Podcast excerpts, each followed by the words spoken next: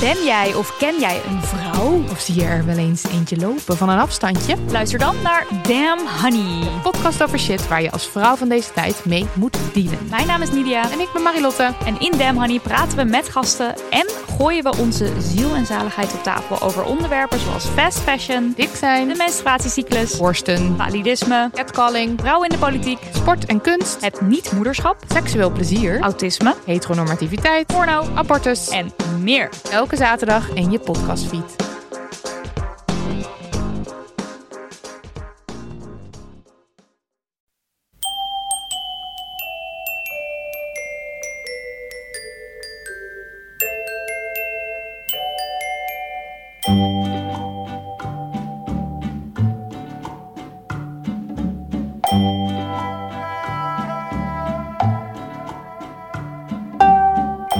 Welkom bij aflevering 176 van de Echt Gebeurd podcast, waarin waargebeurde verhalen worden verteld door de mensen die ze zelf hebben meegemaakt. In deze aflevering een verhaal dat Rogier Jacobs vertelde tijdens een middag rond het thema rivalen.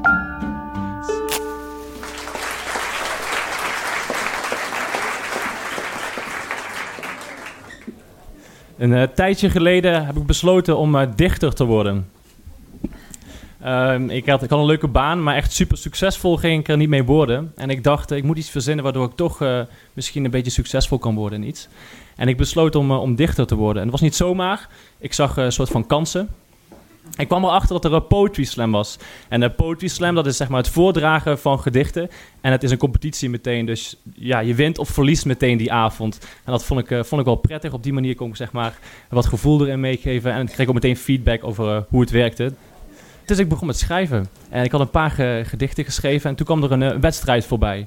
Eh, je kon 250 euro winnen. En een maand lang in het museum hangen. En ik dacht, nou, dit is een mooie, mooie kans. Er waren twee regels. Eerste regel was, je mag maar één gedicht insturen. En de andere regel was, het moet gaan over afgunst. En ik had al een gedicht over afgunst. Een van mijn eerste gedichten ging al over afgunst. Maar ik dacht van, ja, in principe ben ik al een stukje beter geworden, denk ik, of zo. Of past het wel bij deze competitie? En ehm, toen besloot ik het in te sturen met een oud e-mailadres. Pablo Rodriguez 1900 at gmail.com. Dat is ooit een keer eh, een grapje geweest, een dingetje geweest, zo werd ik ooit genoemd. Dus eh, daarmee heb ik hem ingestuurd. Dus eh, groetjes Pablo. Laten lopen. Toen ben ik een gedicht gaan schrijven, duurde eventjes. Uiteindelijk had ik een gedicht klaar en heb ik ingestuurd namens Rogier Jacobs. Vervolgens, een tijdje later, kwam er een bericht binnen. Beste, beste Rogier. Ehm, ja, eh, van de 70 eh, gedichten eh, hebben er 12 eh, geselecteerd. Helaas kunnen we niet iedereen uitnodigen. Maar we willen je van harte uitnodigen voor de avond om je gedicht voor te dragen. Dus ja, super blij. Weet je, nu mag ik mijn gedicht voordragen. Ik kan eindelijk ja, poetry slam gaan doen. En schijnbaar zijn mijn gedichten dus niet super slecht. Anders, anders was ik niet uitgenodigd geweest. Dus voor mij was het een soort van bevestiging en een kans. Heel blij, juichen, alles. En toen, eh, en toen dacht ik even, oh ja, ik heb nog een eh, gedicht eh, ingestuurd. Dus ik ging weer naar Pablo Rodriguez, at, Pablo Rodriguez 1900 at gmail.com. Duurde weer even een tijdje voordat ik het wachtwoord wist. En dan had ik ook een e-mail. Het stond in beste Pablo. Mm. Van de 70 eh, gedichten zijn er eh, 12 eh, geselecteerd. Ehm, helaas kunnen we niet alle gedichten selecteren. Maar van harte gefeliciteerd. Eh, je mag je uitnodigen eh, om je gedicht te komen voordragen. Ah, dus boom, twee keer. Twee kansen, lekker is dit zeg. Die is in de pocket, twee gedichten gaan goed. Eh, dit wordt hem. Ik kan eindelijk ergens aan gaan beginnen. Nou, onderaan die e-mail stond nog wel één zinnetje zo. Alleen de schrijver van het gedicht mag het gedicht voordragen. Dat in combinatie met het feit dat je maar één gedicht kon insturen, gaf een soort van conflict, weet je wel. Dus ik dacht, eh, wat ga ik doen? Eh, ik, moet, ik moet kiezen tussen twee gedichten. Eh, ik heb geen idee wat goed is. Ik heb geen idee wat slecht is. Ik heb geen idee welke het beste is. En ik, ik moest een oplossing bedenken. Want ja, ik, ik, kan niet voor eentje kiezen. Ehm, dus ik dacht, misschien bel ik de organisatie op. Dan geef ik het gewoon even toe. Zeg ik, jongens, zeg even welk gedicht het beste is. Waarmee ik de meeste kans maak. Ga ik daar gewoon mee als Pablo of als Rogier, weet je wel. Mogen jullie kiezen. Eh, geen goede optie. Uh, ander eh, scenario, ik ben echt heel lang gaan nadenken. Ander scenario was misschien dat ik dan in de tussentijd, in de pauze of zo, even snel van kleding verander of zo. Iets in die richting. Echt, ik wilde zo graag, weet je, ik wilde zo graag dit gaan halen. En op, terwijl ik aan het nadenken ben eh, over al die scenario's, eh, komt mijn huisgenoot binnengelopen. En je moet je voorstellen, mijn huisgenoot, die is een klein beetje, een stukje kleiner dan ik. Heeft zwarte haren, zwarte haren en zwart baardje ook. Klein buikje, gezellig buikje. En, en hij spreekt Spaans. Dus ik zo, boom, hier is mijn scenario. Pablo Rodriguez komt binnen.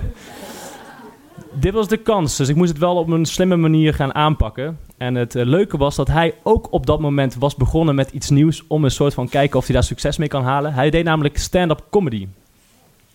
Dus, eh, dus ik loop naar hem toe en ik zeg, eh, Johan heet hij. ja, ja, ik kan niet meer.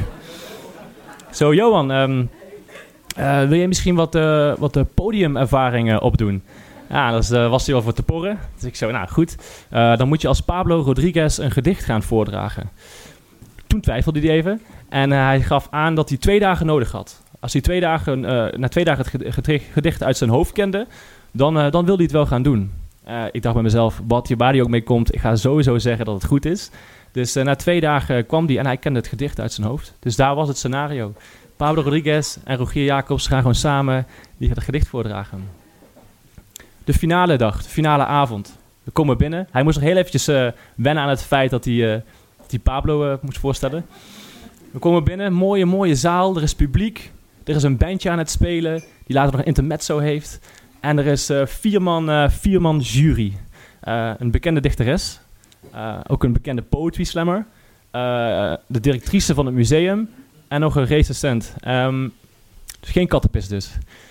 Eh, dus nou, iedereen draagt, zijn gedicht voor, dat gaat goed en het is gelukt. Weet je wel. We hebben allebei ons gedicht voorgedragen en we zijn niet betrapt. Dus het is gelukt. Dankjewel, wat fijn. Zo'n lekker gevoel. Bam. Eh, maar ja, het is Poetry Slam, dus er moet ook een eh, winnaar zijn. En de winnaar, en de winnaar, en de winnaar van, het, van de Poetry Slam gedichtenavond over afgunst is geworden Pablo Rodriguez. Applaus, applaus, applaus, weet je wel. Iedereen, eh, ja, ik schrok me dood. Eh, maar oké, prima. Het is wel gelukt, weet je wel. Ja, weet je, mijn gedicht is... eh, ja, we hebben gewonnen. Hij komt naar voren, hij krijgt zo'n zo'n grote check zo. En dan zo, eh, zo zo'n bos bloemen. Er wordt door de jury een, een vraag gesteld over het gedicht. Die beantwoordt hij verkeerd. Maakt niet uit. En vervolgens iedereen een borreltje. En we komen bij elkaar staan. En ik ga naast hem staan. En op een gegeven moment eh, komt dat thema afgunst... komt op een gegeven moment eh, terug bij mij naar boven. Ehm, ik voelde veel afgunst. Eh, en dat kwam, dat klinkt misschien raar, maar het kwam omdat ik, ik werd niet gefeliciteerd. Het was wel mijn gedicht, maar ik werd niet gefeliciteerd. Maar ook gewoon letterlijk, ja, Rogier, le- leuk, leuk gedicht. Pablo, hey, wat goed, gefeliciteerd, mooi, mooi, mooi. Soms had het ook gewoon letterlijk, kwam eh, bijvoorbeeld de dichteres, die kwam eraan en die zei dan ook van, eh, die kwam zeg maar fysiek ook zo, zo met, met, met haar rug zo tussen ons instaan. Eh, en die vertelde dan van, ik ging dan vragen stellen van, doe je dit vaker? En wat schrijf je nog meer en zo? Waarop hij zegt, nou, ik doe niet zo heel vaak. En, en ja, gewoon. Ik snap het wel dat hij dat wel niet zegt, maar ik dacht, nee, je, je doet het wel vaker. Ehm, en toen kwam die, die poetry slammer. En er zijn nog bepaalde barren of plekken waar je nog graag zou willen optreden. Nou, wist hij ook niet echt of zo. En eh, doe je, ga je nog vaker doen? Ja, joh, kijk wel een beetje wat ik doe. En ik sta daarnaast. En ik denk, nee, eh, ik dacht, ik moet hier, moet misschien, ik, ging even door mijn hoofd om zeg maar te onderbreken. Zo van, eh, sorry, eh, nee, wat er is gebeurd is, het is eigenlijk mijn gedicht. En eh, dus eh, misschien kunnen we even afspreken welke bar ik kan komen staan, weet je wel. Ja, het is zo gelopen, maar ik wil echt wel hierin door. Dus laten we iets samen afspreken. En, maar dat kon natuurlijk niet doen. Ja, we hadden gewoon gefraudeerd. En, ehm, en hij had gewoon gewonnen. Dus ja, ik wilde ook niet zijn plezier wegnemen daar. Dat, dus dat kon niet. Uh, dus dat was allemaal best wel spijtig. Uh, maar toch, die dagen daarna vertelde ik het verhaal aan mensen. En, en, en, en het bleef een beetje terugkomen. Een beetje een soort van twijfel. Had ik eigenlijk wel gewonnen? Uh, ik bedoel, als ik het gedicht had voorgedragen, had ik dan wel gewonnen? Ik had een alter ego gecreëerd die van me gewonnen heeft. Ik had gewoon mijn eigen rivaal gemaakt. Dat had, hoe dom kan je zijn? De, en zo ging het. Um, nu wil ik eigenlijk het gedicht misschien uh, gaan voordragen. Nou, het ding is, ik heb, ik heb tot vanaf toen heb ik het gedicht niet meer voorgedragen. Nooit meer. En dat kwam omdat ik dacht, als ik nu meedoe aan een poëtieslijnwedstrijd en ik ga het gedicht voordragen en ik verlies, dan is het altijd bewijs dat het dus niet aan het gedicht lag, maar aan degene die het voordroeg. Um, dus ik wil het nu nog één keer uh, voordragen. Maar kunnen we dan met elkaar afspreken uh, dat jullie daarna een applaus geven? Op die manier heb ik het soort van teruggekregen. Het heet, en die schrik, het heet Sterf niet echt. Krijg de pokkenpest. En nog wat ergs. En nog wat vlekkers, maar sterf niet echt. Heb pijn, lichaamspijn en hoofdpijn, maar het mag niet echt zijn. Dat niet. Benijden doe ik straks pas, maar krijg eens wat akeligs. Hartkleppen, onritmisch iets of brokkelknokkels tot hier. Ik benijd jou en jij weet dat niet. Met je rotkop, ongenot, slappe soep, natte poep, niks, snop is nada. Met je schama, ja gama weer weg. Heks, koepeltrut, voodoo-prut, bakkelende, pop-up venster, rot op mensje, fantastisch wezen, heerlijk dier. Dank jullie wel.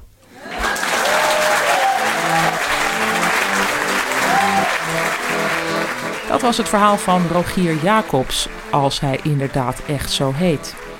Je zou Rogier kunnen kennen uit de documentaire Het Verhaal van Echt Gebeurd, en dat is aflevering 165 van deze podcast, waarin hij zenuwachtig op de trap van comedyclub Toomler stond voordat hij dit verhaal ging vertellen en opgelucht ademhaalde toen hij het had verteld. Heb jij zelf ook een verhaal dat je bij ons wilt vertellen? Kijk dan op onze website www.echtgebeurd.net wat de thema's voor de komende vertelmiddagen zijn. En dan noem ik bijvoorbeeld alleen en tieners en sprookjes. Geef jezelf op als je een verhaal hebt dat op een of andere manier bij zo'n thema aansluit. De editie rond het thema tieners is trouwens geen middag, maar een avond onze derde echt gebeurd galaavond. Die niet plaatsvindt in Toemler, maar in Theater de Kleine Comedie. En dan kun je mij zien in een galajurk en Micha Wertheim met een strikje om zijn hals. Het gala is op 20 januari en kaarten zijn verkrijgbaar via bijvoorbeeld een link op onze website. De redactie van Echt Gebeurd bestaat uit Micha Wertheim, Rosa van Toledo, Maarten Westerveen en mijzelf, Panien Cornelissen. Productie Eva Zwaving, techniek Nicolas Vrijman podcast Gijsbert van der Wal. Dit was aflevering 176. Bedankt voor het luisteren. En als je ooit jaloers bent, bedenk dan: het is altijd nog erger om jaloers te zijn op jezelf.